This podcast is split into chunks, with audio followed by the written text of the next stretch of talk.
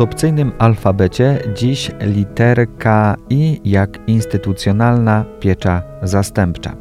Przed mikrofonem Marcin Bernaś, ale w studio witam także panią Justynę Pietrzycę-Reterską, psycholog ośrodka adopcyjnego w Katowicach, oddział do spraw adopcji i wspierania rodziny w Częstochowie. Dzień dobry. Dzień dobry.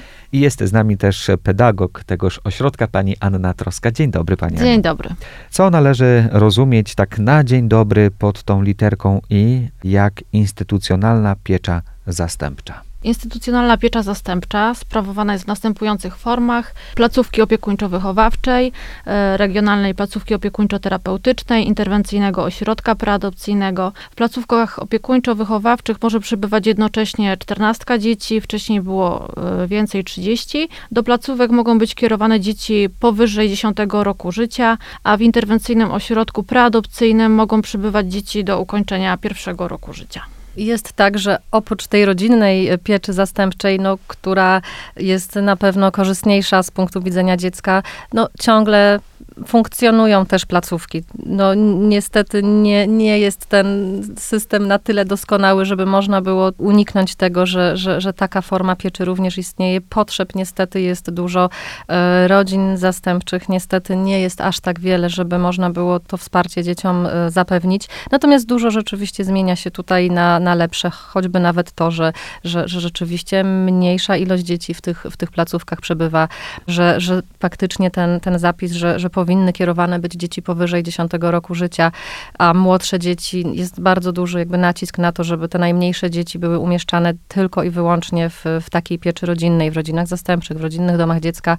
Z tym też bywa czasem różnie, bo na przykład jeśli umieszczone musi być y, liczniejsze rodzeństwo, tak zabezpieczone, ponieważ nie, nie, nie może już przebywać w domu rodzinnym. No i mamy tutaj różnicę wieku między dziećmi, czyli są dzieci na przykład w wieku właśnie 12-11 lat i mają 3, 4, 5-letniego brata lub siostrę, no to priorytetem powinno być z kolei też nierozdzielenie tych dzieci. Jeśli nie ma rodziny zastępczej, która weźmie trójkę, no to może się zdarzyć, że, że, że takie dzieci trafią do placówki, łącznie z tym najmłodszym dzieckiem, które gdyby samo było tylko i wyłącznie, no to nie, nie, nie mogłoby do takiego miejsca trafić. Wspólnie z rodzeństwem być może trafi, no ale tak jak mówię, tu znowu to są takie wybory, których, mhm. których no, trzeba w takich sytuacjach dokonywać. Nadrzędne w tym momencie będzie nierozdzielenie rodzeństwa, bo te dzieci i tak już bardzo dużo przeszły, bardzo dużo roz, doświadczyły i, i, i rozdzielenie teraz ich w takiej sytuacji odbioru z domu rodzinnego byłoby kolejną traumą. Absolutnie tak. Mhm, mhm. A co z domami dziecka? Dziecka, bo wielu z nas pewnie ma takie wyobrażenie, że to duże budynki, w których przebywa no setka dzieci.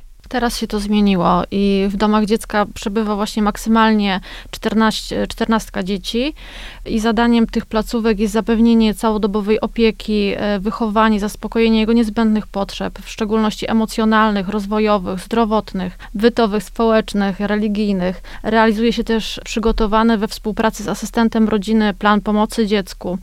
Umożliwiany jest kontakt dziecka z rodzicami biologicznymi, innymi bliskimi osobami, chyba że sąd zdecydował inaczej. Podejmuje się również działania w celu powrotu dziecka do tej rodziny biologicznej. Zapewnia się dziecku dostęp do kształcenia dostosowanego do jego wieku, możliwości rozwojowych. E, obejmuje się działaniem terapeutycznym. Zapewnia się korzystanie z przysługujących e, świadczeń zdrowotnych. Ta mniejsza liczba w tych domach dziecka jest spowodowana czym? Teraz te domy dziecka są tworzone bardziej na taki rodzinkowy system, żeby było ich mniej, e, wychowawców też jest mniej, którzy się zmieniają i przypomina to bardziej tak rodzinę. Żeby były lepsze żeby standardy opieki po prostu, żeby w miarę możliwości ten kontakt z każdym z dzieci był jednak indywidualny, a, a nie taki grupowy. No, mając trzydziestkę dzieci, z których każdy potrzebuje... E, zaopiekować, tak, spełnić jego oczekiwania. I nie tak. ma możliwości mhm. nawet poświęcenia czasu, bo jeżeli jest jeden wychowawca na zmianie czy dwóch, no to nie ma możliwości, bo jest tyle rzeczy do zrobienia, że indywidualnie nie ma czasu poświęcić temu dziecku. To tak jak w klasie, kiedy jest uczniów Aha. na przykład 40,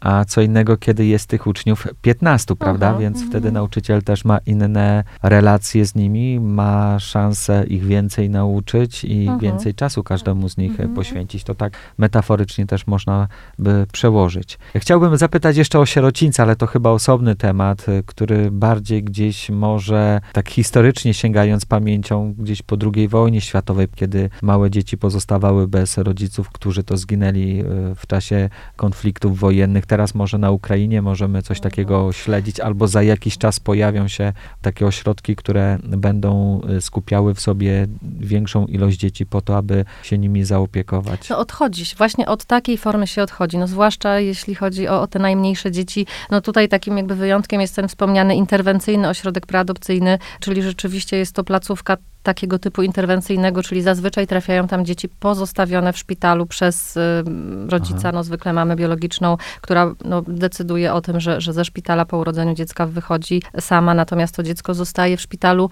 a jeśli nie wymaga hospitalizacji, jego stan zdrowia jest na tyle dobry, że, że nie musi przebywać dalej w szpitalu, no to musi też jego pobyt gdzieś być zabezpieczony. I właśnie te interwencyjne ośrodki preadopcyjne taką rolę spełniają. Tutaj rzeczywiście jest jakby to kryterium y, wiekowe dziecka, że, że są tutaj najmłodsze dzieciaki do roku życia. No z taką jakby ideą jest to, żeby w ciągu tego roku mm, wydarzyło się takie, nastąpiły okoliczności, że albo dziecku ureguluje się sytuacja prawna i rzeczywiście jako taki maluszek będzie mogło być przygotowywane do adopcji i jakby trafi do, do rodziny adopcyjnej, no ewentualnie ci rodzice biologiczni jednak zmienią swoją decyzję, zmienią swoje, swoje nastawienie i, i postarają się o to, żeby tą opiekę nad dzieckiem y, y, przejąć. No, najgorzej wtedy, jeśli rzeczywiście żaden z tych wariantów nie następuje, mija rok, no dziecko nie ma szans na powrót do domu biologicznego, sytuacja prawna nie uregulowała się, więc adopcja też nie jest możliwa, no więc wtedy dziecko musi po prostu zmienić pobyt, musi opuścić tą placówkę, albo jeśli jest możliwość, trafi do rodziny zastępczej, no albo, albo trafi do innej placówki po prostu, która może, może mieć pod swoją pieczą starsze dzieci. No to, to znowu to bar, bardzo jakby trudny, trudny, trudny obszar, trudno nam sobie wyobrazić takie maluszki, które, które są mm, właśnie w, mhm. w, jednym miejscu tak i, i skazane na taką jednak instytucjonalną opiekę, chociaż jakby standardy tej opieki są, są bardzo dobre i, i jakby osoby, które prowadzą tego typu placówki robią wszystko, co w ich mocy, żeby, żeby wszystkie potrzeby tych dzieci były zaopiekowane. I już na koniec, bo jeszcze chcemy Państwu zaprezentować pewne świadectwo, chciałbym przy tym temacie dopytać, bo mówimy o instytucjonalnej pieczy zastępczej, ale myślę, że warto byłoby chociaż jednym zdaniem wspomnieć o takiej sytuacji, kiedy dziecko trafia na jakąś chwilę, na moment, do kogoś bliskiego z rodziny, czyli może to być wujek, może to być ciocia, może to być y, kuzyn i tam na jakimś etapie swojego życia przebywa, zanim trafi do tej instytucjonalnej pieczy zastępczej. Takie sytuacje też się pewnie zdarzają. Takich sytuacji One pewnie... są nieformalne, mhm. prawda, ale myślę, że mają takie Początkowo miejsce. mogą być nieformalne. Rzeczywiście, jeśli coś złego dzieje się w rodzinie biologicznej, to w pierwszej kolejności poszukuje się możliwości zabezpieczenia e, dziecka wśród najbliższych najbliższych członków rodziny, tak? Czyli mhm. są to albo dziadkowie, starsze rodzeństwo, wujostwo, czasem rodzice chrzestni. No nie muszą to być osoby zawsze spokrewnione, ale jakby bliskie rodziny, które znają też jakby sytuację rodziny, znają dziecko, no i, i mają taką gotowość, otwartość, że, że, że na czas właśnie tych sądowych procedur rzeczywiście są gotowe dziecko przyjąć pod swój dach i rzeczywiście na to jest absolutny nacisk, żeby w pierwszej kolejności w taki sposób y, dziecko zabezpieczyć, żeby ono nie musiało trafić do obcych ludzi, do placu placówki, tylko rzeczywiście poszukuje się wśród najbliższych e, osób. Jeśli dziecku nie udaje się wrócić szybko do, do tego swojego domu rodzinnego, no to bywa, że te rodziny występują po prostu już tak e, o, o to, żeby w formalny sposób być rodziną zastępczą, czy to spokrewnioną, jeśli mówimy na, o, o, dziadkach albo o starszym rodzeństwie, czy taką niespokrewnioną, jeśli to są osoby nie, niespokrewnione dla dziecka, ale bliskie emocjonalnie, bo też tak może być i to jest no, z punktu widzenia dziecka zawsze oczywiście najlepsze rozwiązanie. Zanim oficjalnie zamkniemy audycję, jeszcze jedno oficjalne pytanie. Czy jest coś, czego nie powiedzieliśmy, a trzeba byłoby zauważyć w dzisiejszym temacie? Nie wiem, czy powiedzieliśmy o tym, jakie dzieci trafiają do placówek, że to jest właśnie dzieci, ten czas, pani Aniu. Do e, instytucjonalnej pieczy zastępczej trafiają dzieci, wobec których pozbawiona jest częściowo lub całkowicie władza rodzicielska. Jeżeli rodzice będą pracować i zmienią coś w sobie, w swoim zachowaniu, w swoim stylu życia, oczywiście mogą, mogą odzyskać mogą swoje odzyskać dziecko. swoje dziecko. Jeśli nie będą przejawiali takiej gotowości, wtedy rozpoczyna się procedura adopcyjna dziecka. wtedy Po 18, po 18 miesiącach miesiącach zgłoszone, zgłaszamy do Władzy. sądu, jest pozbawienie władzy rodzicielskiej i wtedy takie dziecko zostaje zgłoszone do ośrodka adopcyjnego i rozpoczyna się poszukiwanie dla takiego dziecka rodziny. Ja już więcej pytań nie mam, ale gdyby słuchacze mieli, to prosimy je kierować pod y, numer telefonu 501 359 818 lub 501 362 844.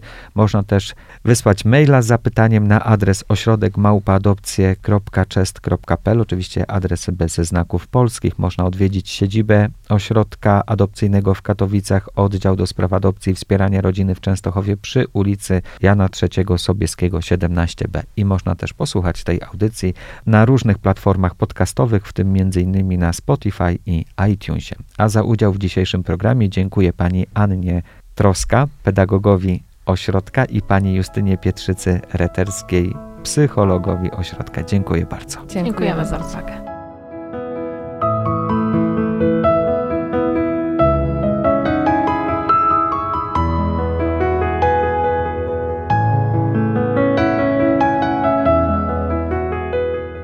No dla mnie to jest e, danie miłości komuś, kogo w zasadzie nie znam. Przyjęcie no dziecka ze wszystkimi e, jego po prostu już e, nabytymi cechami, z jego jakąś całą historią, tak, z całą przeszłością. I tak naprawdę nauczenie się bo to też trzeba powiedzieć, że dopiero uczymy się kochać to dziecko, dać tą miłość, bo chcemy dać tą miłość. I my też e, przy tym się sami zmieniamy, adoptując to dziecko, kiedy razem tworzymy tą e, rodzinę. Ja to tak e, widzę, tak po mojemu. Ja podobnie widzę też, że właśnie, że chcemy dać, można powiedzieć, obcemu dziecku dużo miłości, zrozumienia. Bezpieczeństwa po prostu, poczucia bezpieczeństwa, bo to jest chyba też naj, najważniejsze, że te dzieciaki potrzebują dużo bezpieczeństwa, takiego poczucia przynależności też. One chcą być w centrum waszego zainteresowania. Tak jak tutaj małżonka zauważyła, chcą mieć takie zdrowe też poczucie, że komuś w końcu na mnie zależy. Tak, dokładnie. Bez względu na to, e, jakie to dziecko jest, z jakimi problemami e, się boryka. No bo oczywiście powiedzmy sobie jasno, no to jest jakiś tam bagaż, że te dzieciaki często są e, obciążone różnymi chorobami i po prostu, że my to dziecko przyjmujemy bez żadnych e, zastrzeżeń. Faktycznie to dziecko jest wtedy z nami e, bezpieczne, bez stawiania warunków, tak. Adopcja zmieniła wasze życie małżeńskie, ale myślę, że też y, dała sporo do myślenia waszym bliskim, znajomym, rodzinom. Można tak też zaryzykować? Wszyscy na pewno pozytywnie odebrali naszą... Kordianę, kordianę.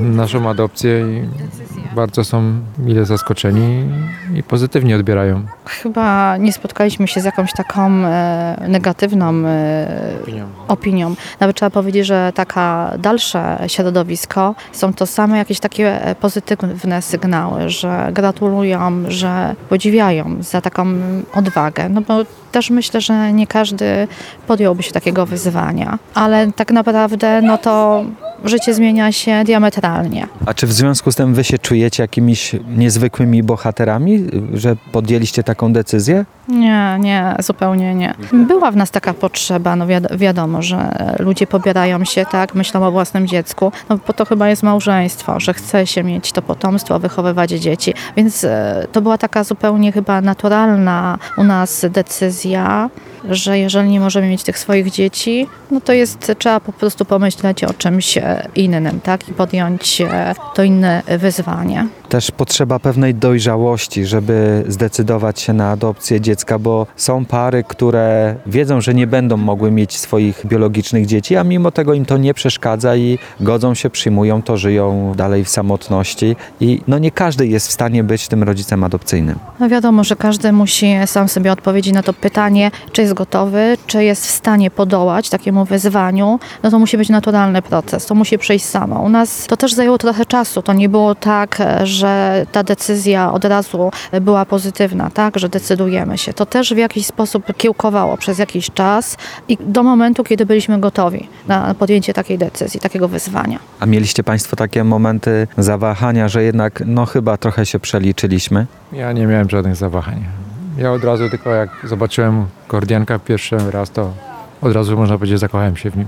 No to tak mówi mąż, no, u mnie to troszeczkę był inny ten proces. Momentów zawahania myślę, że nie. Wiadomo, że to tak jak każdy rodzic boryka się z problemami wychowawczymi, więc wiadomo, zadaję sobie pytania, czy podążam właściwą drogą, czy pewne rzeczy mogłabym zrobić lepiej, czy może czasami moje jakieś decyzje wychowawcze są błędne. No wiadomo, tak jak każdy rodzic, więc myślę, że już ten dalszy etap jest taki sam, e, jak w przypadku własnego dziecka, tak? A co by pani podpowiedziała tym osobom, które myślą o adopcji, ale może się jeszcze gdzieś wahają, są niezdecydowane, może się czegoś lękają? Myślę, że przede wszystkim, żeby się nie bać, żeby spróbować podjąć decyzję. Wiadomo, że to jest też cała procedura, krok po kroku. W każdej e, chwili można e, zmienić zdanie. Nikt e, nikogo do niczego nie zobowiązuje, więc ten etap trwa. Naprawdę ma się dużo czasu na przemyślenia, na zastanowienie.